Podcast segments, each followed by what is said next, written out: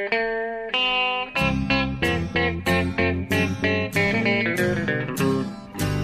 out there, we're on the air. It's hockey night tonight. Tension grows, the whistle blows, and the puck goes down the ice. The goalie jumps and the players bump, and the fans all go insane.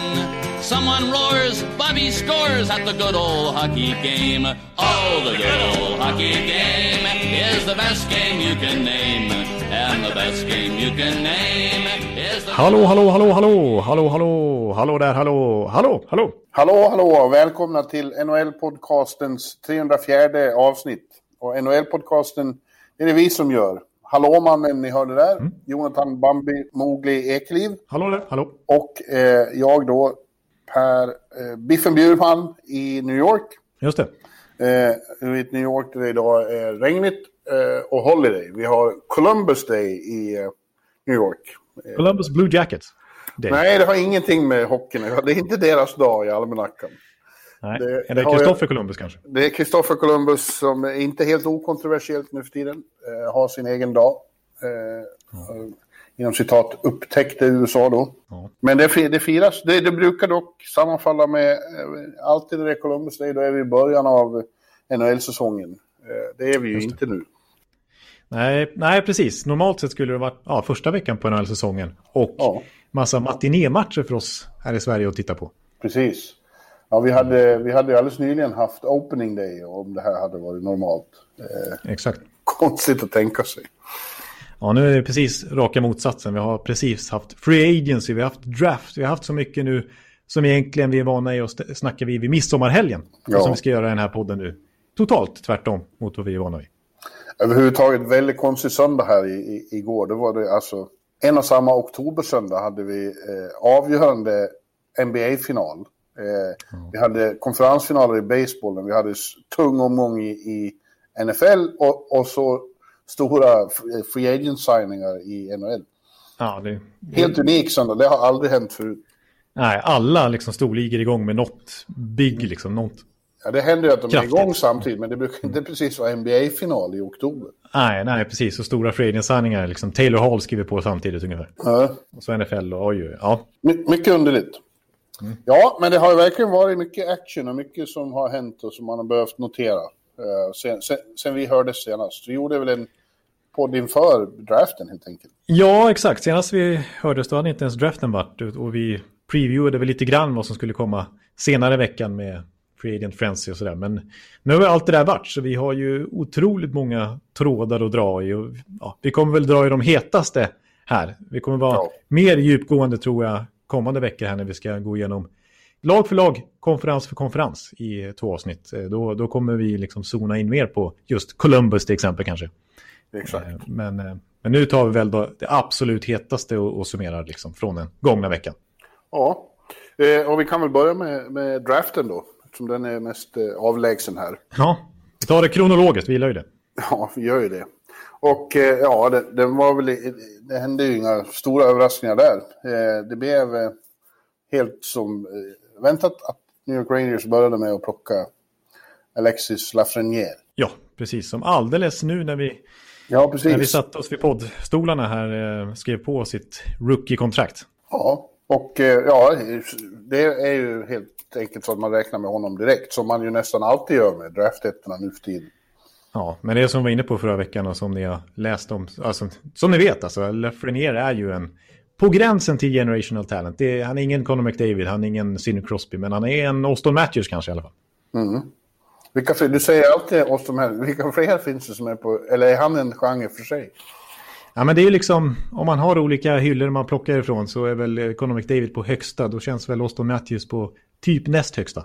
Ja, precis som Jack Eichel kanske. Ja, Jack Eichel kan man lämna också som gick ju, skulle ha gått etta många år om det inte hade varit för att han gick samma år som just Conor McDavid. Då var han ju tog två år. Liksom. Eh, Men eh, av den kategorin är eh, Jack Eichel en bra jämförelse också. Det är den hyllan som... eh, Malkin. Ja, Malkin också två efter Ovechkin en gång i tiden. Så det, det, det är där vi hittar Lafreniere. Ja, mycket lyckat för Rain. Men sen, eh, sen blev det ungefär som du, du hade i din lilla eh, mockdraft här i, i, i podden. Och det blev väl ungefär som du trodde. Men svenskarna gick högre än vad du sa. Ja, jag hade varit och snurrat på svenskarna där. Jag sa att Raymond skulle gå femma till Ottawa, men eh, Detroit passade på att plocka honom före dess. Mm. Steve Eisenman var ju på, en svensk, på svensk humör, så hette det han, deras tre första val använde de svenskar. Ja, precis. Det var svenskar åt, åt höger och vänster och mängder av svenskar i andra rundan framförallt. Vi trodde väl på fler i första rundan, men det blev bara just Raymond som gick fyra och Alexander Holtz som gick sjua till New Jersey Devils. Jag hade honom som nia till Minnesota Wild, men Devils kunde inte motstå frestelsen att ta denna skarpskytt. Nej. Men sen hade vi ju mängd, var det åtta svenskar? Eller sånt, sju, åtta svenskar i andra rundan. Ja, sammanlagt var det 30, 32 tror jag. Ja, nytt rekord. Ja, ja kul. De, är, alla blir ju inte NHL-stjärnor, framförallt inte de som... Oddsen är inte så jättebra för de som går i sjätte och sjunde men det händer ju. Det händer ju, precis. Fråga Henke Lundqvist eller Henrik Zetterberg till exempel. Ja, Patrik Hörnqvist fick alla sist i draften en gång i tiden. Ja. I den draft Sidney Crosby gick först så gick han sist. Och sen förenades de och vann två Stanley Cup ihop. Ja, just det. Och då, då lägger jag till, då, förlåt alla lyssnare, att det var en kille som heter McDonnell som gick sist i hela draften. Nu till Tampa. Här har vi en ny Patrik Hörnqvist. ja, kanske det. Ja, eh, tycker du det var något mer som stack ut där i, eh, i draften? Eh. Ja, ja men ja, det finns så mycket man kan peka på, men eh, Eh, Eh, ja, men till exempel det här med eh, tyskarna. Det gick ju trots allt en tysk som nummer tre i eh, Stützel där som jag, precis som de flesta tippade, och jag i min mockdraft. Och så gick det ytterligare en tysk där, 17-valet var det väl, eh, Chicago med Reichel där. Eh, och överhuvudtaget så var det ju fler tyskar och fler österrikare som valdes än till exempel slovaker som annars är liksom en stor hockeynation vad vi vant oss vid. Men nu är det det börjar spridas ut nu, hockeyvärlden. Ja, det är väl lika med tjecker. Det var inte så många tjecker heller. Nej, det var inte så mycket tjecker heller. Så att, eh, ja, det, är inte, det är inte bara de här sju, åtta klassiska hockeynationerna, utan nu börjar det liksom bli lite fler. Ja, samtidigt kan man ju påstå att typ Slovakien har gått bakåt, tvärtom då visserligen. Så att, mm. ja, men det var en grej jag reagerade på. Men det frågade jag faktiskt Tobias Pettersson här om sisten och han påstod att Slovakien har ett bra år eh, på G nästa säsong. Ja. Eh, samma sätt var ju väldigt lite amerikaner i år, men det var, har också påpekats att det, det är ingen... Det är ingen... Eh, eh, säg ingenting om vad USAs hockeyprogram är, det var bara en flok just i år. Var det inte rekord i första rundan förra året för jänkar också? Så att det går ju liksom, årskull från årskull kan ju skilja väldigt mycket. Ja, ja men eh, ja, det, var, det var ju väldigt speciell när den var eh, online, hela, hela draften. Inte som man är van vid och de drog ta mig fan ut på det också på tv-sändningen. Ja, precis. Ja, första rundan kändes längre än normalt, även om den väl inte var det. Men, men andra rundan, alltså ja, hela dagen andra därpå. Dagen. Ja, hela ja. andra dagen. De sista sex rundorna tog en fruktansvärd tid. Alltså jag som ändå gillar draften, jag, till och med jag tyckte det var plågsamt. Ja. Att sitta och vänta så otroligt länge på varje boll. Ja. Ja, ja. Men eh, det är spännande när man går tillbaka och tittar på eh, drafter för några år sedan. Hur många det är från första och andra rundan som faktiskt eh, ja, gör tunga avtryck direkt i NHL. Det är ju ingen, det är ingen, eh, liksom, det är ingen hittepå att de här är bäst. De blir ju bäst sen också, i allmänhet. I allmänhet, ja. ja. Precis som vi var inne på så det finns ju exempel längre ner i rundorna också. Vilket gör att man absolut inte ska försumma liksom ett femte runda val och sådär. Men absolut, det är ju de bästa spelarna går ju i regel tidigt och ja. gör avtryck relativt tidigt också. Det finns ju å andra sidan också exempel på motsatsen, sådana som går högt och det inte blir någonting av med. Nej, verkligen. Fråga Nal Jakubov till exempel. Ja, precis.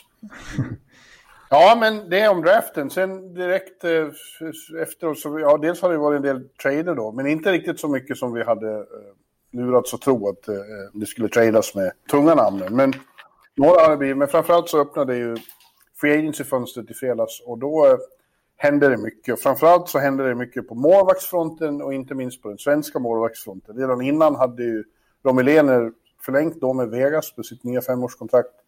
Men bland det första som hände då var ju det vi hade hört om redan innan och det är att Henrik Lundqvists karriär fortsätter. Till att börja med med en säsong i Washington Capitals. Ja, precis. Det känns som att vi måste börja där den här veckan igen. Vi pratade mycket om Henke förra, förra veckan då och snackade upp vad som skulle hända under Free Agency och redan då spekulerades ju väldigt mycket om just Washington, att det kändes som det mest logiska alternativet. Och dagarna innan kändes det ju mer eller mindre klart, så det var ju bara en tidsfråga där på i fredags när det skulle skrivas under, när det skulle kommuniceras ut. Och det ja. gjorde det relativt tidigt får man ändå säga. Och ett, det blev alltså ett år, som du säger, en och en halv miljon dollar i lön, vilket innebär att eh, Washington täcker upp för mellanskillnaden som Henke blev av med när han blev utköpt av Rangers. Han fick ju då två tredjedelar av sin sista årslön där på 4,5 miljoner dollar. Så han fick ju bara inom situationstecken 3 miljoner av Rangers då vid utköpet. Men så fick han 1,5 miljon och då motsvarar lika mycket som han hade fått om han hade varit, varit kvar i Rangers och inte blivit utköpt. Ja. Nu, nu tror jag inte det här betyder någonting alls för honom. Han har redan så han klarar sig. Ja, det, nej, pengafrågan var inte det viktigaste. Nej, inte alls. Utan det handlar om att han får fortsätta spela för att han så gärna vill. Han känner, han känner att han inte är klar, att han har mer att ge och eh, brinner fortfarande för, för Stanley Cup. Det är ju helt uppenbart. Mm. mm. Och ja, Washington, de, just den, det brinnet, det drivet som Henke fortfarande känner vid 38 års ålder eh, verkar vara något som Washington går igång lite på. Alltså, McLellan har ju sagt där att han hoppas att det ska smitta av sig på medspelarna här nu. Att det ska bli lite så här Ray Bork-effekt, att man ska spela för Henke lite grann. Eller att hans energi, hans vilja, hans vinnarinstinkt här nu för att avsluta karriären på bästa sätt ska liksom smitta av sig för att det ska bli en till cup run i DC. Det tror jag absolut att, att det gör också. Det tycker jag redan har hört på när jag pratar med Beckis och, och Hagelin. Att, eh, det ger dem en extra eh, injektion av motivation. Eh, mm. De vet hur underbart det är att vinna och de vill verkligen hjälpa sin vän och eh, ikon att vinna det här nu. Eh, och själv är han ju... Ja, det är ju uppenbart att han har kommit fram till att... Eh, ja, det, som han säger, han hade lång tid på sig att, att bearbeta den här skilsmässan. Mm. Och nu är han jävligt peppad för att komma till Washington. Det blir ett nytt spännande äventyr ändå. Ja, precis. För det är som han har sagt att det var liksom... Eh, eh, alltså han var ganska stora ord han använde, typ att eh, det är som att förlora en familjemedlem nästan. Ja, så hårt stod han det. Stor separation, liksom. Han har gått igenom många olika faser. Precis, och han var helt inställd på att avsluta karriären i Rangers. Det var det hans stora önskan som han har uttryckt genom åren. Liksom. Eh, men när han väl kom över det, vilket han har gjort nu till slut, så är det ju tvärtom. Han verkar ju superladdad och han verkar inte heller, liksom, för hans del i alla fall, i hans hjärna verkar det inte självklart att han ska vara en tydlig backup till Samsonov, utan Henke går in i den här säsongen med att han kan mycket väl vara starter. Ja, alltså det, det sägs ju inte uttalat från Washington heller. Och det, det, gör man väl nästan aldrig. Att nej, nu, den här killen har vi som backup. Då kan den, den personen slappna av liksom. Så är det ju inte. Ja. Det sa McLaren också. Vi räknar med att han eh, kommer att konkurrera och kämpa så hårt han kan. Och sen får den som är bäst stå. Ja, precis. Och jag tycker det här är ganska idealt måste jag säga för Caps också. Att få in Henke på en och en halv miljon dollar. De ligger ju verkligen och snuddar vid lönetaket. Eh, och det har de gjort några år och det gör de nu också. Skulle de ha försökt förlänga med Holtby, det hade ju inte gått. Och nu när man pratar om Henke som en 1,5 miljoners målvakt jämfört med en 8,5 miljoners målvakt som han hade i Capita tidigare. Ja, då, då känns det så prisvärt alltså. Det känns som att eh, han kommer göra det bra, Henke. Det blir liksom en helt, helt andra förväntningar på honom nu. Det blir inte alls samma press. Nej, verkligen. Det känns ju som... Eh, han, nej, han har inte samma historia där, han har inte samma saker att leva upp till eh, och, och liksom... Nej, det blir en helt annan situation. Ja. Och, ja. Sen tycker jag att eh, liksom, jag fick en, ett sms av en kollega som när det var klart där, liksom, Caps, är de så bra liksom, Ovi? 35 fyllde han nyss, Bäckström 33, Orsi 33, Karlsson har klivit över 30-strecket nu också. Är, är Caps en verklig contender? Men samtidigt, jag menar, Ovechkin är återigen regerande Rocket Richard-vinnare, delat med Pasternak, gjorde 48 mål. Den rumphuggna säsongen skulle klivit över 51 om det inte hade varit en pandemi. Eh, de slutar trots allt femma av 31 lag i grundserien. Karlsson slår personligt poängrekord, vinner backarnas poängliga. Det är inte ja. så att Washingtons fönster har stängt igen. Nej, men det är inte öppet så jättelänge till, så ett år är ju, är ju rimligt. Men absolut, inte så att det finns några garantier precis, men de är ett av flera tänkbara alternativ. Precis, jag skulle inte säga att, att, Washington är min favorit i Stanley Cup. Jag har ett antal lag före dem, men absolut har Henke, eh, väljer Henke en klubb som har chansen att vinna Stanley Cup. Det är klart att Caps har det i sig, och så sent som för tre år sedan uppenbarligen. Ja, och sen blir de bättre, de blir bättre nu enligt Hagelin. Hans eh, intressanta synpunkt på det här var att hans starkaste minne från att spela med Henke i, i New York var att det blev så oerhört seriöst på alla träningar och att han utvecklades som forward för att han hade Henke på träningarna. För Henke gör aldrig en träning utan att det är 100% satsning. Eh, och eh, det betyder så mycket för de forwards som hela tiden ja, får lov att höja sig även på träningar och det ger så mycket sen eh, i matcher också. Ja. Ja, Hagelin får väl stå och skjuta en hel del på Henke, för Ovechkin ska inte göra det i alla fall. det var ju ett skämt. Det blir, det blir bra. Det alltså, vi, vi, vi ska ju också... Vi, ska inte låta bli att, vi kan inte låta bli att skryta om vem det var, vilka, vilken tidning det var han pratade med först. Va? Nej, det, det kan vi ju nämna. Det var Bjure Biff som var först ut. Ja, Sportbladet säger vi. Okej, det var Sportbladet som var först ut med att eh, prata med Henke. Det råkade vara Per Bjurman den här gången som eh, fick prata med Henke. Ja. Ja, ja, vi har ju följts åt ett tag så det var, ju, det var väl fint. Det var väl fint. Ja, det, det, det, håller, jag, det håller jag definitivt med om. Men eh, vi kan väl kliva vidare till nästa svenska målvaktssigning, den, den största rent ekonomiskt. Ja, men vi, vi kan ju säga det, det var ju otroligt mycket målvakter som kom ut på fria marknaden samtidigt. Det var ju verkligen, det var som ett, pingrade som ett tivoli över hela kontinenten av målvaktsglitter. ja, verkligen. Alltså exakt. Och lite, liksom, det blir nästan lite parodiskt här hur de alternerar med varandra. För nu blir det en liten övergång här. Alltså Braden Holtby får ju då lämna Washington där Henke kliver in. Ja. Holtby hamnar i Vancouver istället där Markström försvinner. Ja, då, då står det klart omedelbart för, för Markström att han blir inte kvar där. Nej, precis. Då kan han verkligen lägga Vancouver bakom sig. Men det dröjde bara någon timme eller två så hade han skrivit på för Calgary istället.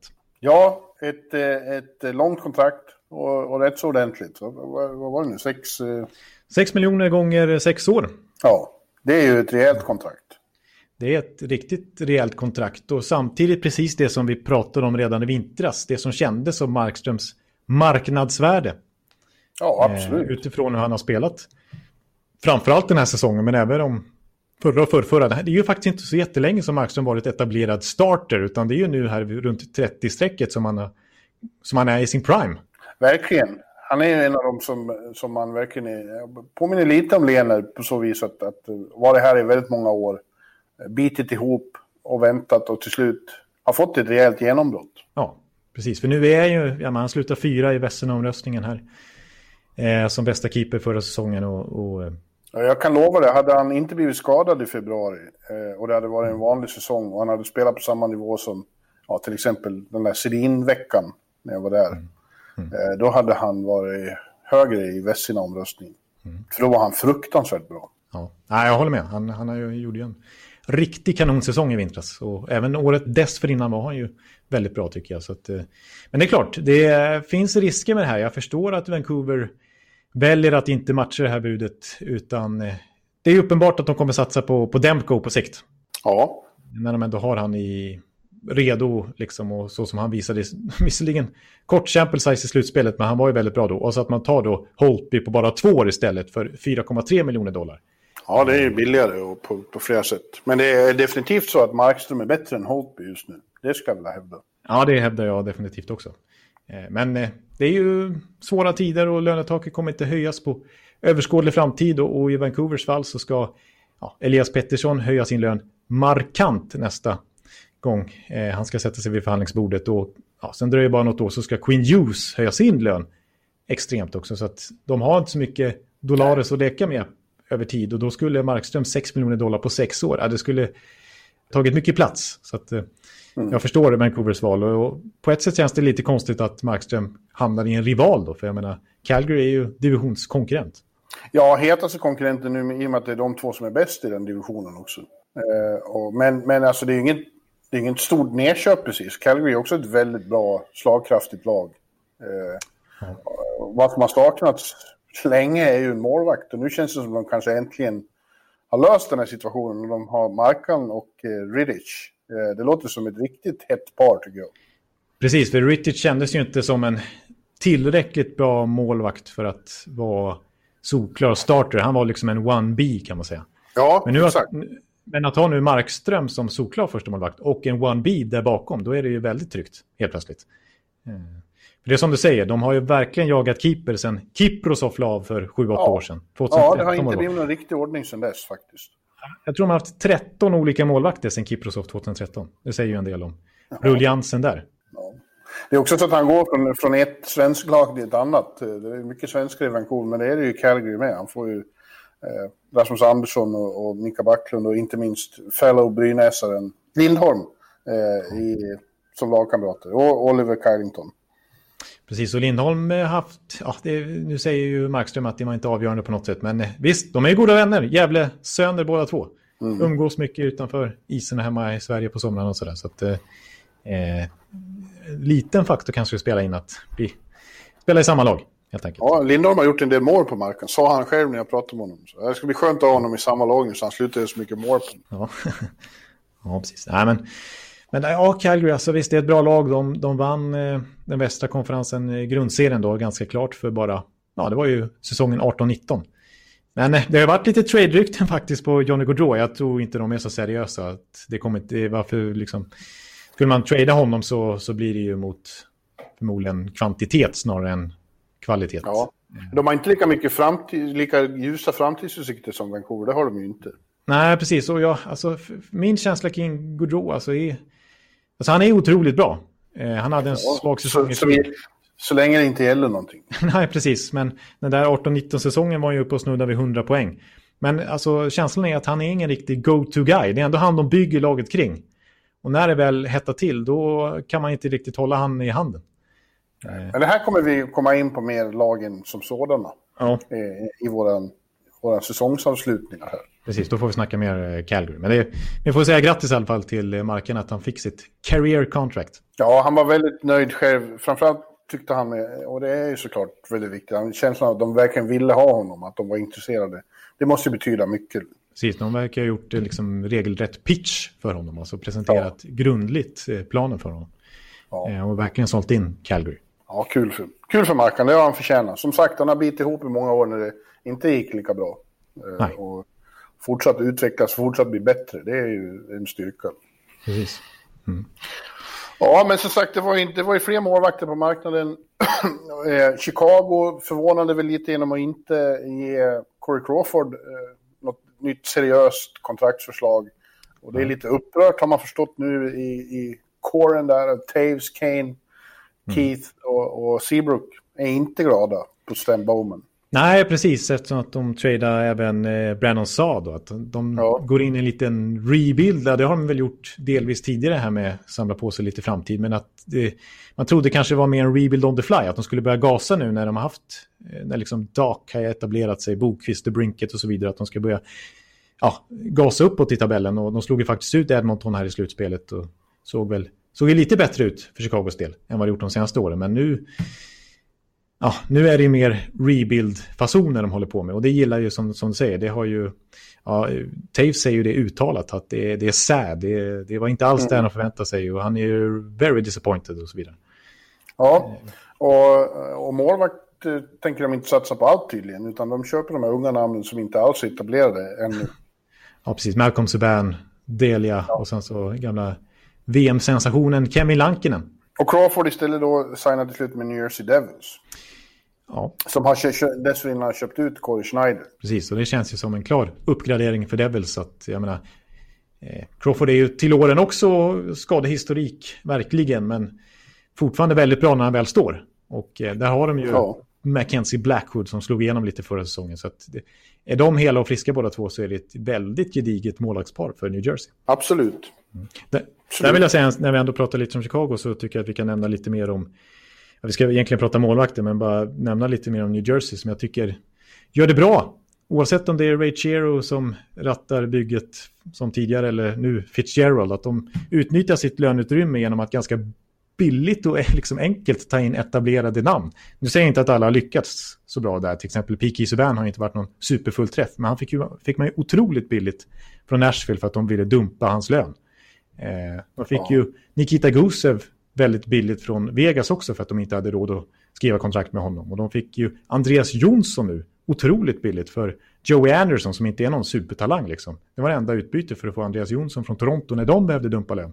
Och samma sak med Columbus där Ryan Murray som är en etablerad back gick ju trea i draften där 2012 eh, för ett femte runda val för att de behövde dumpa lön. Så att, eh, de har knappt betalat någonting, höll jag på att säga. Visst, lite draftval har de fått offra. Men inte speciellt höga draftval och de har fått in väldigt etablerade namn.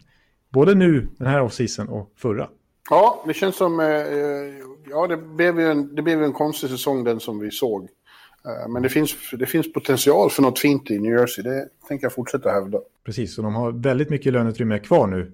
Så att det kan tänka sig att de går efter några, något eller några av namnen som, som eh, ännu inte har fått någon klubb när vi spelar in det här. Precis. Men om vi fortsätter om målvakter då. Eh, det är ju ett par lag som verkligen behöver en ny första målvakt. Och Edmonton var ett av dem, men de lyckades inte locka något av de stora namnen. Utan slutade med att de fick eh, skriva nytt med Mike Smith. Och det var väl inte riktigt vad de hade tänkt sig.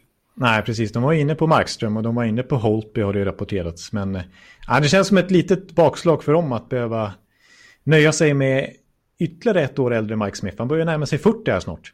Ja, ja det kändes... Men det är, det är ju deras förbannelse. De har svårt att... Till en sån marknad, det är inte världens roligaste stad där ute på prärien. Kallt och jävligt och inte så mycket att göra. Och är man då inte supercontender då är det svårt att få de tunga free agency-namnen. Precis, även om de lyckades med ett sånt här. Eh, vi kommer komma in på det. Vi kan ta ja. det senare, men de lyckades ja. med en, en sån. Trots ja, sitt läge. Mm. Men det, det är svårt. Det, Minnesota hade väl också behövt en, en riktigt tung målvakt, eh, men de tar då över Cam Talbot från eh, Calgary. Och det har ju, ja, är han är också lite British, som du sa, lite 1B. Mm.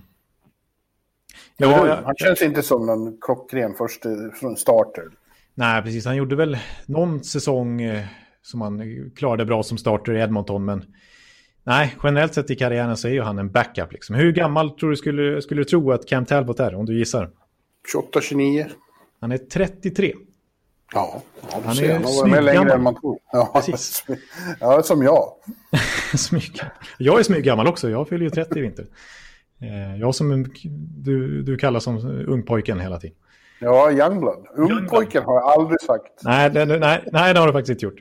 Youngblood brukar du säga. Eh, ja. Jag är mer gampojke, vet du vad det är? Gampojke är ju så här ungkarl som blir som blir ungkarl hela livet. Liksom. Bor kvar, eh, ofta bor kvar hemma hos mamma och pappa fast man passerar 50. Då är man gampojke. Ja. ja, jag får lära mig nya uttryck hela tiden. Ja. Eh, nej, Holtby som sagt. Eller vad säger Nej, eh, Talbot. Talbot, ja. Eh, ja. Nej, det, det kändes lite antiklimax med tanke på att Minnesota verkligen var ett av lagen som var ute efter en starter. Mm. Ja, vi hade några till. Eh, Grice hamnade i Detroit. Eh, Thomas mm. Grice från, eh, som har varit i Islanders flera år och varit eh, kanske ligans bästa backup där. Mm. Eh, Dallas lyckades eh, resigna Kudobin efter succén ja. i slutspelet där. Det var ju väldigt bra för dem. Mm. I synnerhet som Ben Bishop envisas med att vara skadad hela tiden. Precis, de behöver verkligen ha en pålitlig två, eller som nästan blir en etta då. Ja. ja, och sen var det ju Ottawa då som eh, smällde till med Matt Murray och inte bara eh, tog, gav honom ett löjligt stort kontrakt. De ger honom alltså 25 miljoner dollar för fyra år. Ja, det tycker jag är att betala åt helvete för mycket. ja, precis. Och 25 eh, miljoner dollar, det är precis så mycket som Vegas gav till Robin Lehner för fem år. Ja.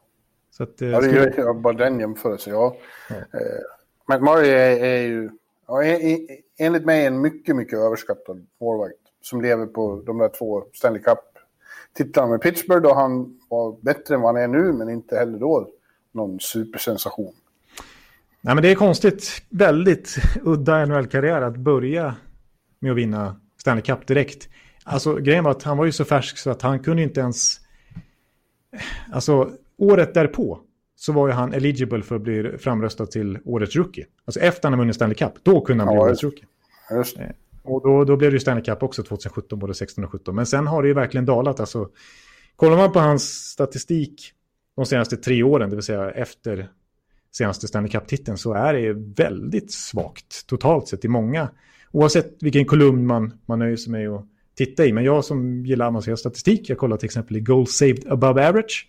Hur många mål man förväntas ja, liksom släppt in mer än vad man borde ha gjort eller räddat mer än vad man borde ha gjort. Och i, Matt Murray ligger på de här tre åren minus sju, så han har släppt in sju mål fler än vad han borde ha gjort. Och det är, för att liksom sätta det här i ett sammanhang så är det snäppet efter till exempel Cam Ward, det är snäppet efter Antiniemi de senaste tre åren.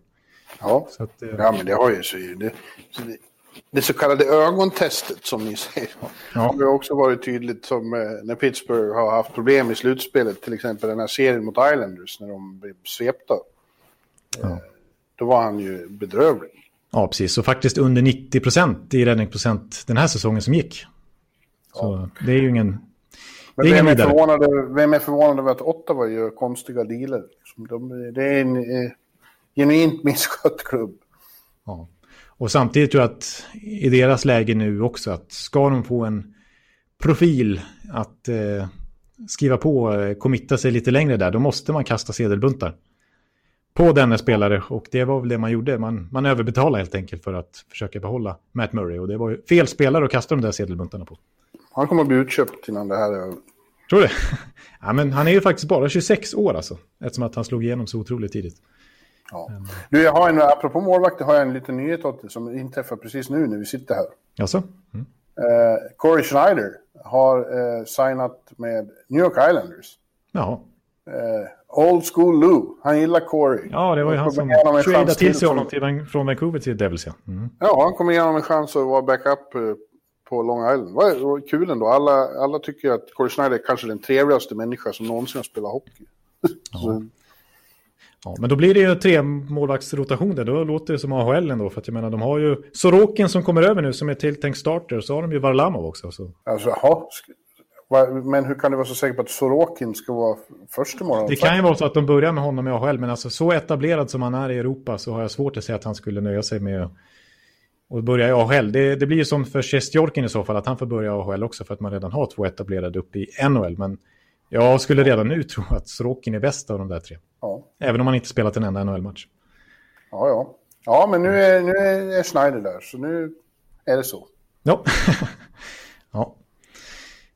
Men eh, så ja, långt men, om målvakter. Ja, men de man tror möjligen ska göra något mer på den här fronten är väl då eh, Carolina är lite olöst eh, i och med att eh, man vet inte vad som händer med Mrazek.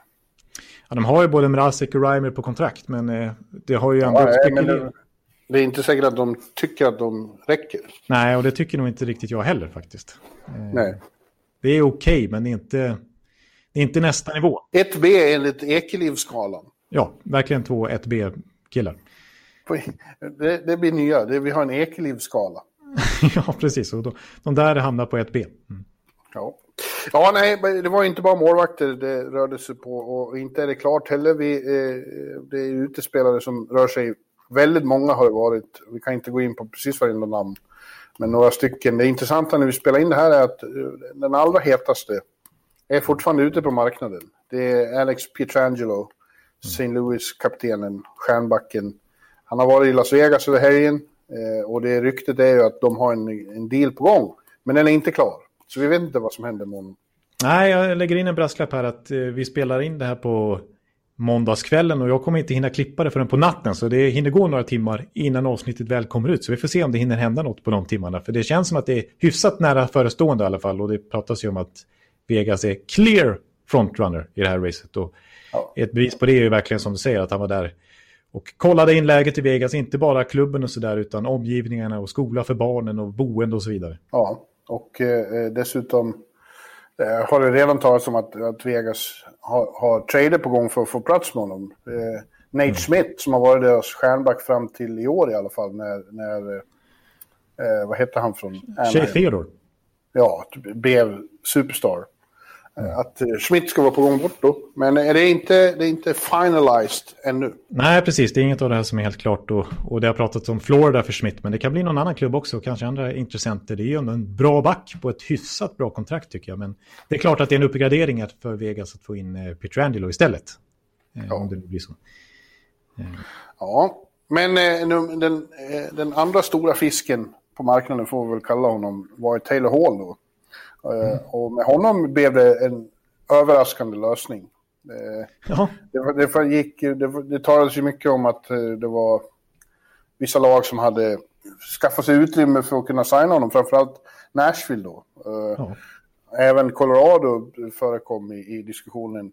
Men det slutade med att han skrev ett ettårskontrakt för 8 miljoner med Buffalo Sabres av alla oväntade lag. Ja, precis. Det var som Pierre LeBrun skrev det, som ändå är insider och följer allt, liksom, vad som händer på marknaden. Och han skriver liksom att uh, of all teams I would have never have guessed Buffalo Nej. Sabres. Liksom. Nej.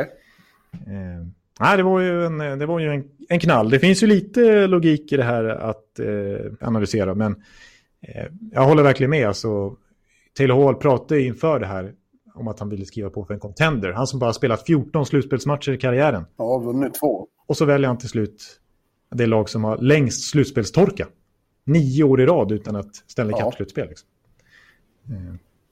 Ja. Det- Men det är ju också så att han bara skriver för ett år. Och, och det är ju intressant med det att... Eh, eh, eh, han, det känns som att han och hans eh, people, hans folk, eh, kom fram till att den här marknaden, den här off-season, eh, inte är något bra. Och det är den ju inte.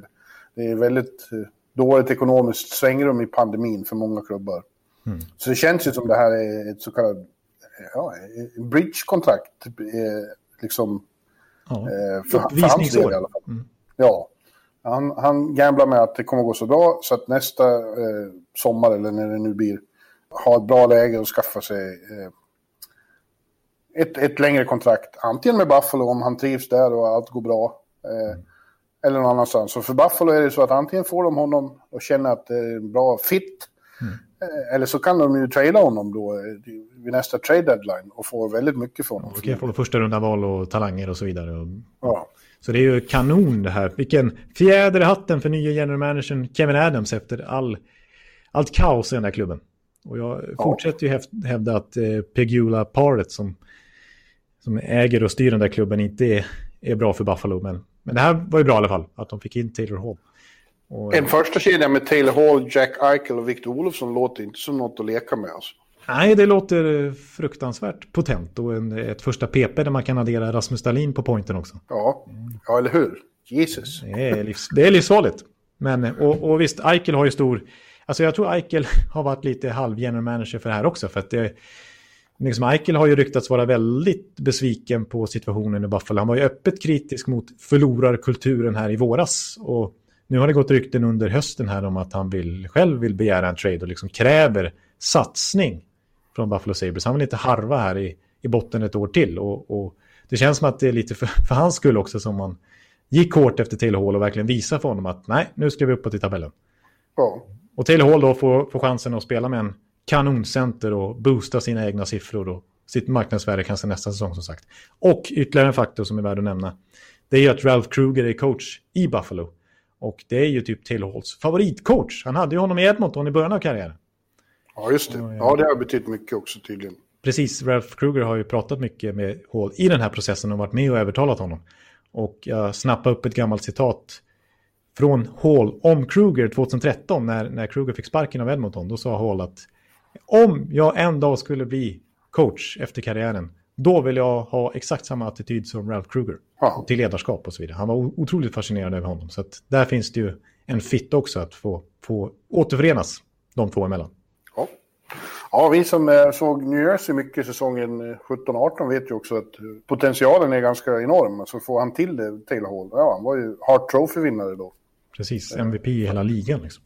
Dominerades oerhört. Jag vi pratar mycket om det där att han var... eh, Att man alltid märkte när han var på isen. Precis, vi var ju begeistrade. Vi var ju och såg New Jersey på plats två, tre gånger Ja. där på vår roadtrip då. Vi var ju helt... Eh, det var ju, vi pratade ju, kan vi prata, lagt en och en halv timmes poddtid på, på Taylor Hall på Ja, tre veckor där höll jag på att säga. Ja. Ja, eh, vidare en annan, eh, ett annat tungt namn var ju då Tory Krug, Bostonbacken. Som eh, lite delikat, eller lite fascinerande hamnade hos Bostons förra eh, finalmotståndare då, St. Louis. Som han hade en del duster med. Det finns ju den där klassiska tacklingen när han kommer farande över hela isen utan hjälm. Bara toksänker eh, Robert Thomas. Ja, Det precis. var lite halvskraj när, när Krug skrev på. Ska vi helt plötsligt vara bästa kompisar nu? ja, men Krug sa det absolut. Ja, ja för det, och det, men det lär vi vara inne på att Krug eh, helt enkelt inte, eh, inte köpte Boston-mentaliteten längre med att, ge lite rabatt, utan han ville ha sin payday. Precis, och där, där är en liten twist fortfarande. Eller så här, de, de ger olika versioner i alla fall, respektive part. För att Boston säger, eller Boston säger inte uttalat, men det kommer mycket uppgifter från Boston-håll och från TSN, liksom trovärdiga källor. Att Boston ska ha varit med hela vägen och liksom gett Kruger ett ganska bra sista erbjudande på exakt samma cap hit som han fick i St. Louis. Fast, alltså 6,5 miljoner, fast ett år kortare, fem år, eh, istället för sex år. Eh, och ändå lämna. Medan Krug då säger att nej, jag har inte fått en enda bud från, från Boston på ett år. There's been no communication at all. Ja. Så det är lite konstigt. Eh, och St. Louis då eh, snappar upp eh, Krug. Eh, när de, snabbt får man säga, när de inser att deras sista bud till Pietrangelo inte ledde någon vart. Nej, precis. Pietrangelo sa ju själv då att it caught him off guard. För att han påstod själv att han inte hade räknat ut St. Louis helt. Men eh, St. Louis klarar inte av att vänta liksom. Om, om Krug fort, fortfarande finns på marknaden och chansen inte är så stor att vi får behålla vår kapten, då måste vi slå till. Ja. Men där vill jag, där vill jag säga som jag tycker är, är viktigt att poängtera med Pietrangelo. Som gör att, ja, att den här soppan kanske drar ut lite på tiden. För att vad jag har förstått så är Pietrangelo precis som Krug ute efter att, ett career contract. Mm. Alltså han kommer inte ta någon discount. Det fick verkligen Toronto erfara. Det har ju spekulerats mycket om att Toronto ska vara en given kandidat för Pietrangelo eftersom det är hans hemstad. Att han ska göra en Tavares helt enkelt. Men eh, erbjudandet han fick därifrån, det sa han blankt nej till. De, Toronto sa att vi har en övre gräns vi kan sträcka oss till. Men Tavares ringer upp dig och övertalar dig. Du får komma hem till Toronto. Är inte det en fantastisk historia? Och Pietrangelo sa bara, det där budet, det håller inte en chans liksom. Ja. Eh, han ska, ha, han ska ha no movement-klausul, han ska ha rejält med signing-bonusar. Det här ska vara ett omöjligt kontrakt att köpa ut. Det ska vara så garanterade liksom, pengar i form av klumpsumma då, beroende på om det blir lockout eller om det blir ja, pandemi och så vidare. Han ska ha rejält med dollares. Eh, och det var ju därför som St. Louis inte eh, var aktuellt till slut heller. För att där har de ju så, som policy att de, de ger inte ut några signing-bonusar. De är väldigt snåla med klausuler också. Eh, Ryan O'Reilly har ju mycket signing-bonus, men det var ju för att Buffalo skrev det kontraktet. Annars finns det inte en enda spelare som har signing-bonus i det laget och eh, nästan, ja, ingen har en full no movement-klausul heller. Så att, Nej, det sa han väl. Eh, eh, vad heter han nu då? Eh, Armstrong. eh, Armstrong. Att ger man, ger man, eh, ger man eh, sådana no trading-klausuler, då ger man all makt till spelaren. Och, det jag menar att då spelar mer, klubb, mer makt i klubben än vad ägaren har. Så. Ja, ja. Ja det ligger ju mycket i det. Ja. Somliga har ju varit alldeles för generösa med sådana tycker jag. Förr i, Till tiden var exempel det, Tampa. förr i tiden var det bara de allra största stjärnorna som fick det. Mm. Det skrattades om någon så här medelklassspelare tyckte att man skulle ha det. Men nu är det ju många som har det. Precis. Ja. Nej, så att eh, nej, Pietrangelo ska ha betalt och det verkar ju till slut som att han får det i, i Vegas då, där det är stora skattelättnader dessutom. Det kanske väger in i beslutet också. Ja, vad har vi mer då? Jonte. Ja, men jag kan väl återkomma då till, eh, apropå backa, vi pratade Krug och Pietrangelo, eh, den här Edmonton-killen som de lyckades få dit, eller ja, som Edmonton lyckades få till Edmonton. Eh, Tyson Barry var det jag skulle säga då. Ja, ja. Eh, han skrev ju alltså på ett ettårskontrakt precis som Hall då. Det är ju vanligt i dessa tider att eh, när det är snålt om pengar att man gör så. Och eh, bara, dock bara 3,75 miljoner dollar. Eh, han ska ha nobbat 6 miljoner dollar i en annan klubb. Okänt vilken klubb det handlar om, men det påstår Frank Cervello på TSN i alla fall. Eh, för att Conor McDavid ringde helt enkelt upp och sa att du ska in i vårt första PP. Kom hit till Edmonton. Ja, Och då sa han, ja men jag kommer. ja enkelt. Ja. Så eh, ja, jag tycker faktiskt att Edmonton, bortsett målvaktssidan som har gjort, Ken Holland gjort det ganska bra. Framförallt med Barry-kontraktet som jag tycker är ett av det bästa totalt sett de här första dagarna. Och eh, jag tyckte Kyle Turris på två miljoner är ganska bra också. Han skulle kunna studsa tillbaka och bli en så här 50-poängs center. Ja. Eh, nu när han inte har samma press på sig som det innebär att tjäna 6 miljoner dollar om året som han gjorde i Nashville. Ja, just det. Ja, nej. Eh, och istället för Barry i Toronto då så kommer TJ Brody dit. Ja, Vad säger du om det? Ja, nej men eh, Torontos intresse för Brody har ju funnits ett tag. Förra året så försökte de ju först, vad jag förstår, trada till sig honom för Nathan Kadri snarare än, än Tyson Barry. Det är verkligen det är lite komiskt hur de snurrar runt här. Men eh, ja, tanken var ju från början att inte köra Kadri mot Barry utan Kadri mot Brody. Eh, men så blev det Barry istället. Men han försvann nu och så tar man in Brody som free agent istället. Eh, det är ju en stabil back. När de insåg att, att Peter Angelo inte skulle gå att få så tar de Brody istället. Och visst, ja, Toronto har ju inte den där riktiga superbacken. Visst, Morgan Riley är väl nästan det. Men, eh, och Rasmus Sandin kanske kan bli det. Men visst har de en bättre back, backsida nu än vad de haft de senaste åren med, med Massin, Riley, Brody. De har Sandin på gång, Liljegren på gång. Mm. Justin Hall, Travis Dermott och sådär. Det, det, är, det är bra. En annan tung back som eh, eh, du sörjer väl att han inte är kvar i, i Tampa längre. Det är Kevin Shattenkirk eh, som fick sin kupp och en på, på nytt födelse i Tampa. Han signar med Anaheim. Det är en bra signing av Anaheim. Ja, precis, det får man säga. Och där var ju lyckat exempel på en bridge dealer på en så uppvisningsår. Alltså när, efter att ha blivit utköpt från Rangers, haft ett stort kontrakt där. Så han hade ju kunnat få ett kanske lite längre kontrakt än man, och, och dyrare än man fick i Tampa på ett år bara. Men det gjorde, han visade verkligen upp sig. Det var verkligen ett skyltfönster att, att spela ett så bra lag, vinna Stanley Cup och nu få ett lite längre kontrakt på nästan 4 miljoner dollar per säsong. Mm. Ja. Så det var smart av, av Chattenkirk och bra för Anaheim att få en riktig PP-back. Du får ställa glädja dig åt att, att uh, Tampa ändå lyckades behålla Luke Chen och framförallt Pat Maroon. Ja, så då blir det ju Stanley Cup. Ja, det brukar ju bli det. Uh, och intressant med, med, honom kan man ju då dra växeln till att, jag tror vi pratade om det förut, att det är som copycat liga att alla, nu vill alla ha en, en Maroon, uh, Coleman, uh, Barkley, Goodrow, Eh, man, man har ju bilden av att det är för att Tampa varit lite tuffare med dem i, i, mm.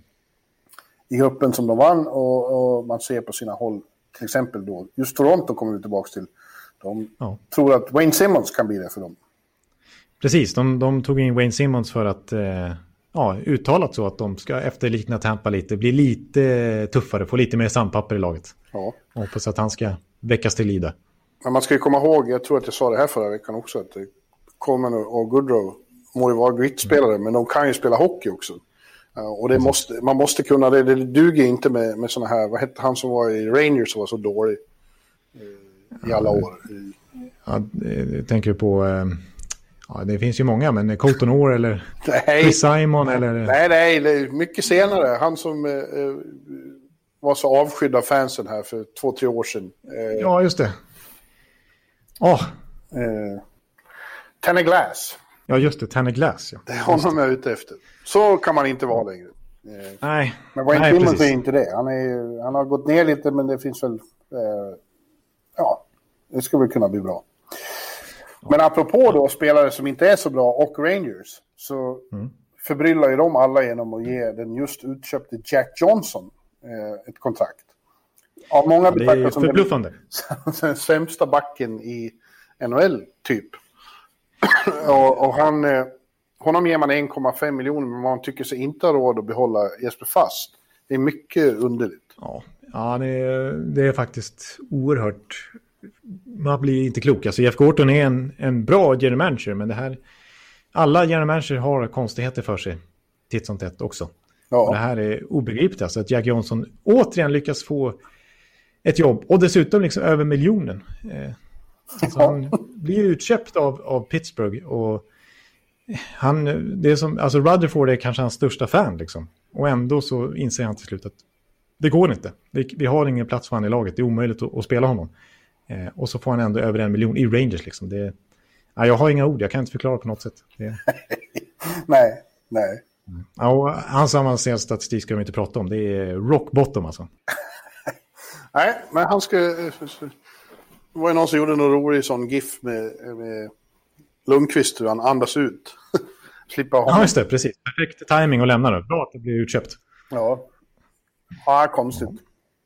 Ja. Men, men det... Ja, visst, det finns några spel fler vi, vi skulle kunna ta upp, men frågan om vi ska gå in på lite svenskar. Jag tänkte just göra den övergången eftersom jag nämnde Jesper Fast där då. Eh, mm. Förstörde du min fina övergång? Ja, det gjorde jag. Ja, gjorde du. Eh, Nej, han blir ju då, får inget nytt kontrakt med väldigt oväntat i och med att det inte varit så dyrt då som många hade trott. Utan Jesper skriver istället för, för Carolina, ett treårskontrakt med capita på två miljoner per säsong. Det är inte, det är inte mycket. Nej, precis. Och liksom, han var ju ändå... Eh, alltså nu när Lundqvist är borta dessutom, det är ju, nu är det verkligen bara Kreider kvar som vi pratade om förra veckan. Att hela, verkligen hela laget har monterats ner sedan bara två, tre år tillbaka. Alltså, ja. Det är i princip bara Kreider kvar. Ja, deppigt för Mika. Alla Mikas kompisar försvinner. Först var det Zuccarello, och så Lundqvist och så Fast också. Ja. det är inget kul ja. alls för, för, för Mika. Nej, usch.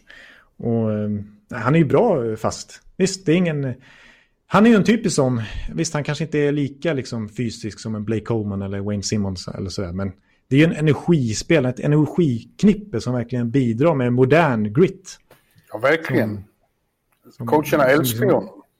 Exakt, extremt hög lägstanivå. Han har ingen jättehög högsta nivå, men hans lägstanivå är väldigt hög och man vet alltid vad man får av Jesper Fast. Ja, Henke, Henke älskar honom. Han, han säger alltid det. Kolla på vad Jesper gör. Kolla, han gör aldrig något som är fel. Han gör alltid alla små detaljer rätt. Ja, precis. Och jag tycker det har varit ovanligt många lagkamrater som gått ut och skrivit att eh, ja, eh, ja, we're really gonna miss Quickie, som de kallar honom. Ja. Och, ja. Eh, liksom, both as a player and an even better person och så vidare. Ja, ja konstigt beslut av Rangers tycker jag. Ja, precis. jag har sett att många andra motsvarande, eller vad säger rivaliserande fans också, alltså det vill säga inte Carolina-fans, har blivit lite avundsjuka på den här dealen. Kanon pickup av eh, Carolina att få fast för bara 2 miljoner dollar i tre år. Ja. Mm. Mm. En annan som är väldigt, eh, har varit väldigt tätt förknippad med sin klubb ändå eh, är Mattias Janmark. Men det blir ingen fortsättning i Dallas för honom, där han just spelade Stanley Cup-final med dem. Istället utan idag fick vi alldeles innan vi började spela in så framkom att han har skrivit ett års kontrakt med Chicago på 2,25. Så eh, det blir ja. Jana på eh, Madison Avenue i, i, i Chicago. Precis. Lite samma, ett... lite samma deal. Eller ja. de är inte helt lika som spelare, men, men ändå. Det finns eh, jämförelser att göra där. Också en energispelare ja. och klok och gör allting rätt. Precis, användbar i boxplay och i en tredje kedja. Kan, kan vikariera i en första kedja liksom, inte göra bort sig. Spela på, han kan ju spela i alla typer av situationer. Ja, verkligen. Han är en super eh, allt i allo. Liksom. Ja. Eh, men eh, ja, Chicago, det, visst, han kan säkert få en topp 6-roll där kanske. Och, och visa att han har mer produktion i sig också, vilket stannar av lite med åren i Dallas. Men för mig, i Sverige kommer man ju ihåg honom som en väldigt duktig offensiv center. Ja. Men nu, nu är han ju mer än allt i allo och kan spela på alla forwardspositioner som sagt. Men ja, lite spretigt tycker jag med Chicago där som liksom ja. Janmark är ju vad, vad, vad de ska med Janmark till egentligen. Visst, det, han kommer att göra det bra där. Det är ingen dålig värvning på något sätt, men det är lite spretigt vad de, vad de tänker sig. Ja, de gör så med Brandon Saad. Och ta, ja, och ta, det är som att de bara vill ha nya ansikten i omklädningsrummet. Ja, precis. Och målvaktssituationen där är jag tveksam till också. Ja, jag förstår inte riktigt vad Chicago gör, men det kommer vi in på då när vi ska prata Chicago i det här långa avsnittet. Ja. Ja. Vi har Alexander Wennberg blev då utköpt av Columbus eh, och har nu signat med Florida. Bra för alla parter tycker jag. Ett år där också, 2,25. Samma deal som Janmark. Precis, alltså om man tar för liksom alla, tre, alla tre synvinklar här, så för Columbus så förstår jag att de gjorde det här trots allt. Alltså det är ovanligt att man köper ut, köper ut en så ung spelare. Men eh, fördelen är att de bara behöver betala en tredjedel av återstående lönen och inte två tredjedelar. Ja. Med Wennbergs ålder. Eh, och de öppnar, öppnar lite lön, löneutrymme. Vem de ska lägga alla pengar på har ju inte visat sig än. Kanske att de ville ha Telehall, men det sket ju sig. Ja. Nej, men jag, men, jag eh, tycker ju Venny är lite underskattad. Det finns ju en hög, hög potential som kanske inte har fått ut allt. Framförallt inte under Tortorella. Det kändes som det var en ansträngd eh, relation.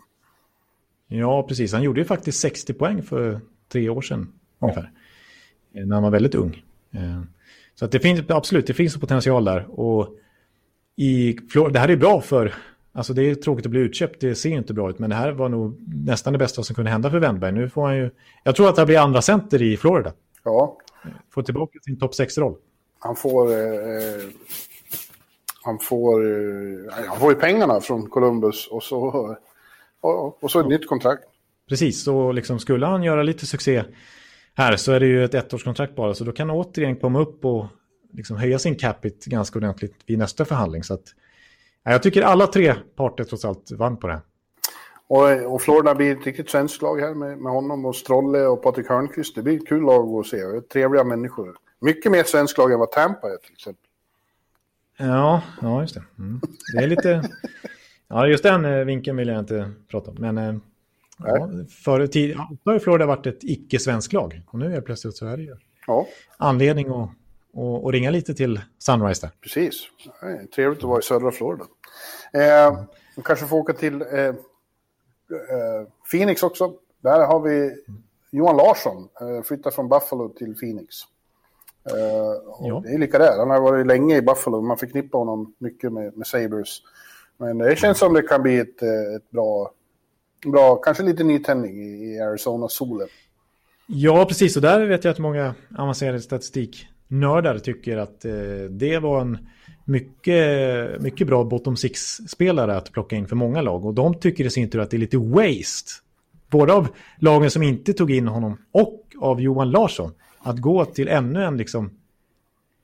Icke, alltså, det kän, Arizona känns ju inte stekheta nu efter allt som har hänt. Att Nej. återigen hamna i den typen av lag. Alltså Johan Larsson skulle vara en bra komplementspelare i en, i en contender, alltså i en fjärde eller tredje kedja. Eh, och nu, nu, visst, han fick ju 1,4 miljoner dollar, en hyfsad lön, mer än vad han skulle kunna fått i, i ett Colorado eller i ett, ja, något annat topplag. Ja, lite tråkigt att, att, att, att, att faktiskt hålla med om att eh, Larsson hamnar i den typen av lag igen. Ja, du, nu ser jag förresten att eh, Gorton har fått, hållit presskonferens och fått, eh, fått frågor om varför han inte behöll Jesper fast. Och han säger att term was a big issue for us going forward. Men vadå, han har bara skrivit några få år med Carolina, eller hur? Ja, tre år blev det visserligen, men ändå två miljoner dollar är ju inte så mycket att bråka om tycker jag. Nej. Då kan man lägga lite term. Men fast det är ju inte lastgammal heller. Han håller om tre, fyra, fem år till. Ja, ja. Mm. Ja, eh, ja, men Johan i alla fall. Eh, vad fan. Han får bo på det trevligaste stället av alla. Ja, exakt. Han får bo i, i Scottsdale. Han gör en reverse Taylor Hall liksom.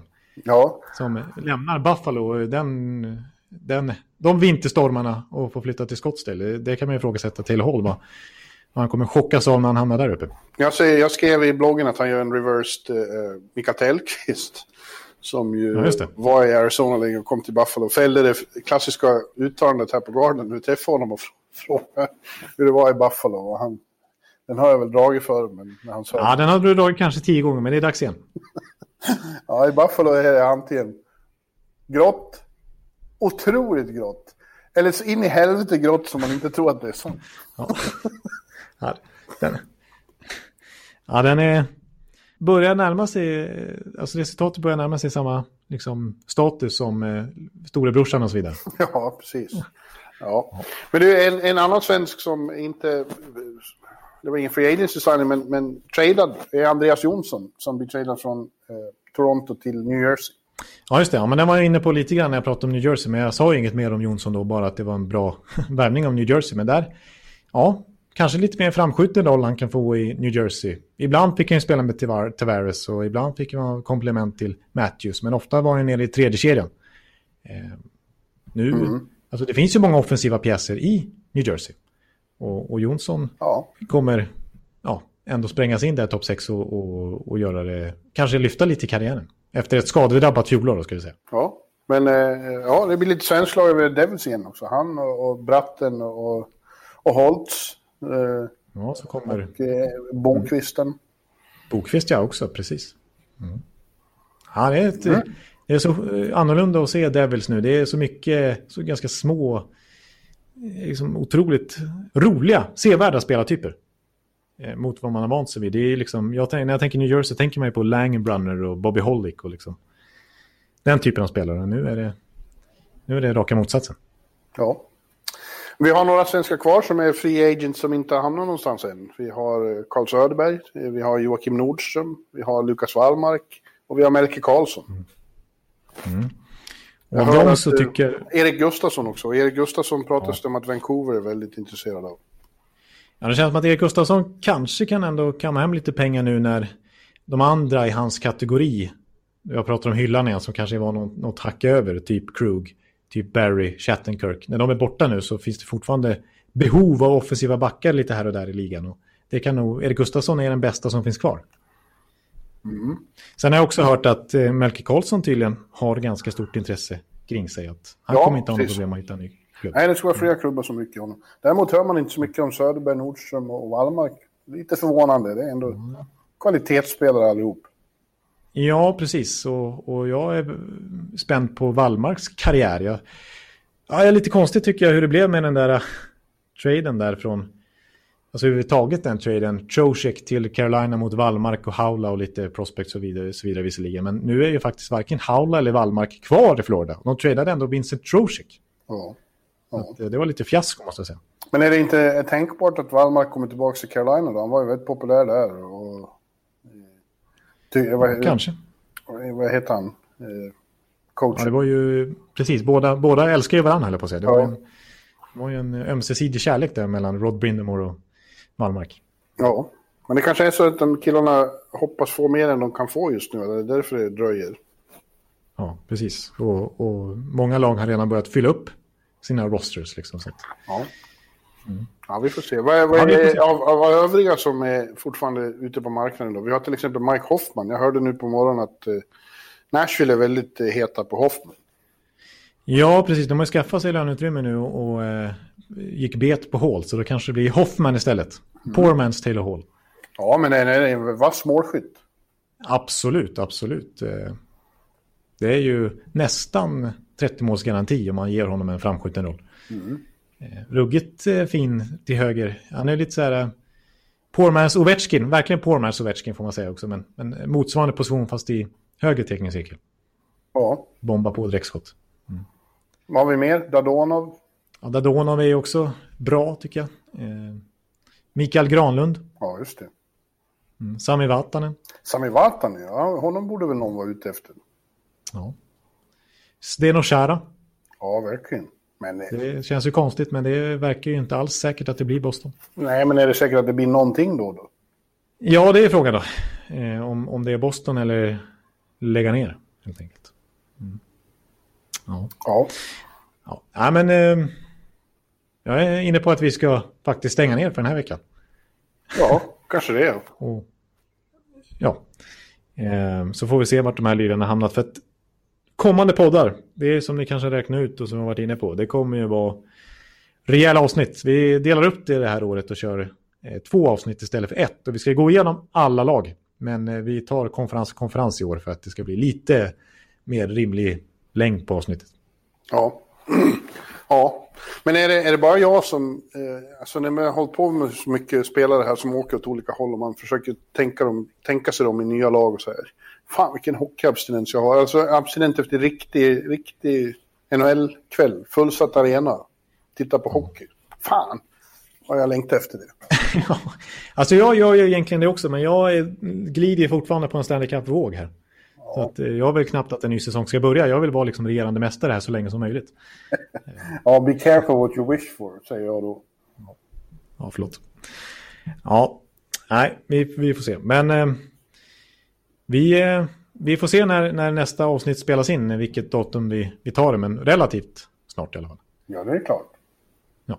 Ja. Eh, och eh, ja, som sagt, två avsnitt istället. Jarko, som återkommer i podden titt som tätt. Han brukar ju skämta då att det sista avsnittet är så jobbigt och långt så att han som håller på Winnipeg, och vi kör ju alltid bokstavsordning.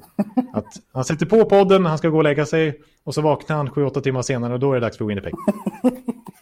Ja, humor. Ja, ja. Men vi, eh, vi eh, hörs inom kort. Det gör vi. Och eh, vi tackar alla som, som har lyssnat på oss den här veckan och på återhörande snart. Hej då! Hej! Hallå, hallå, hallå. Hallå, hallå, hallå. Alex Chiazot, Joe Luis Arena och Esposito. Esposito. Uttalsproblem, men vi tjötar ändå. Och alla kan vara lugna, inspelningsknappen är på. Bjuder Hanna Kohl, han är grym i sin roll. Från Kållesoffan har han fullständig kontroll på det som händer och sker. Det blir ju allt fler som rattar in hans blogg. Och lyssna på hans podd. One, two, three, speed, so Hallå, hallå, hallå. One, two, three, speed, so Hallå, hallå, hallå. Ekeliv, som är ung och har driv. Verkar stor och stark och känns allmänt massiv. Han hejar på Tampa och älskar Hedman. Sjunger som Sinatra. Ja, och där ser man. Nu är det dags för refräng. Dags för magi, Victor Norén. Du är ett geni. Så stand up at home and remove your hats. Höj volym, för nu är det plats. One, two, three, speed, so Hallå, hallå, hallå. One, two, three, speed, so Hallå, hallå, hallå. One, two, three, speed, so Hallå, hallå, hallå. One, two, three, speed, so Hallå, hallå, hallå. otroligt länge sedan båda samtidigt var så här bra. Hallå, hallå, hallå. Det är otroligt länge sedan båda samtidigt var så här bra.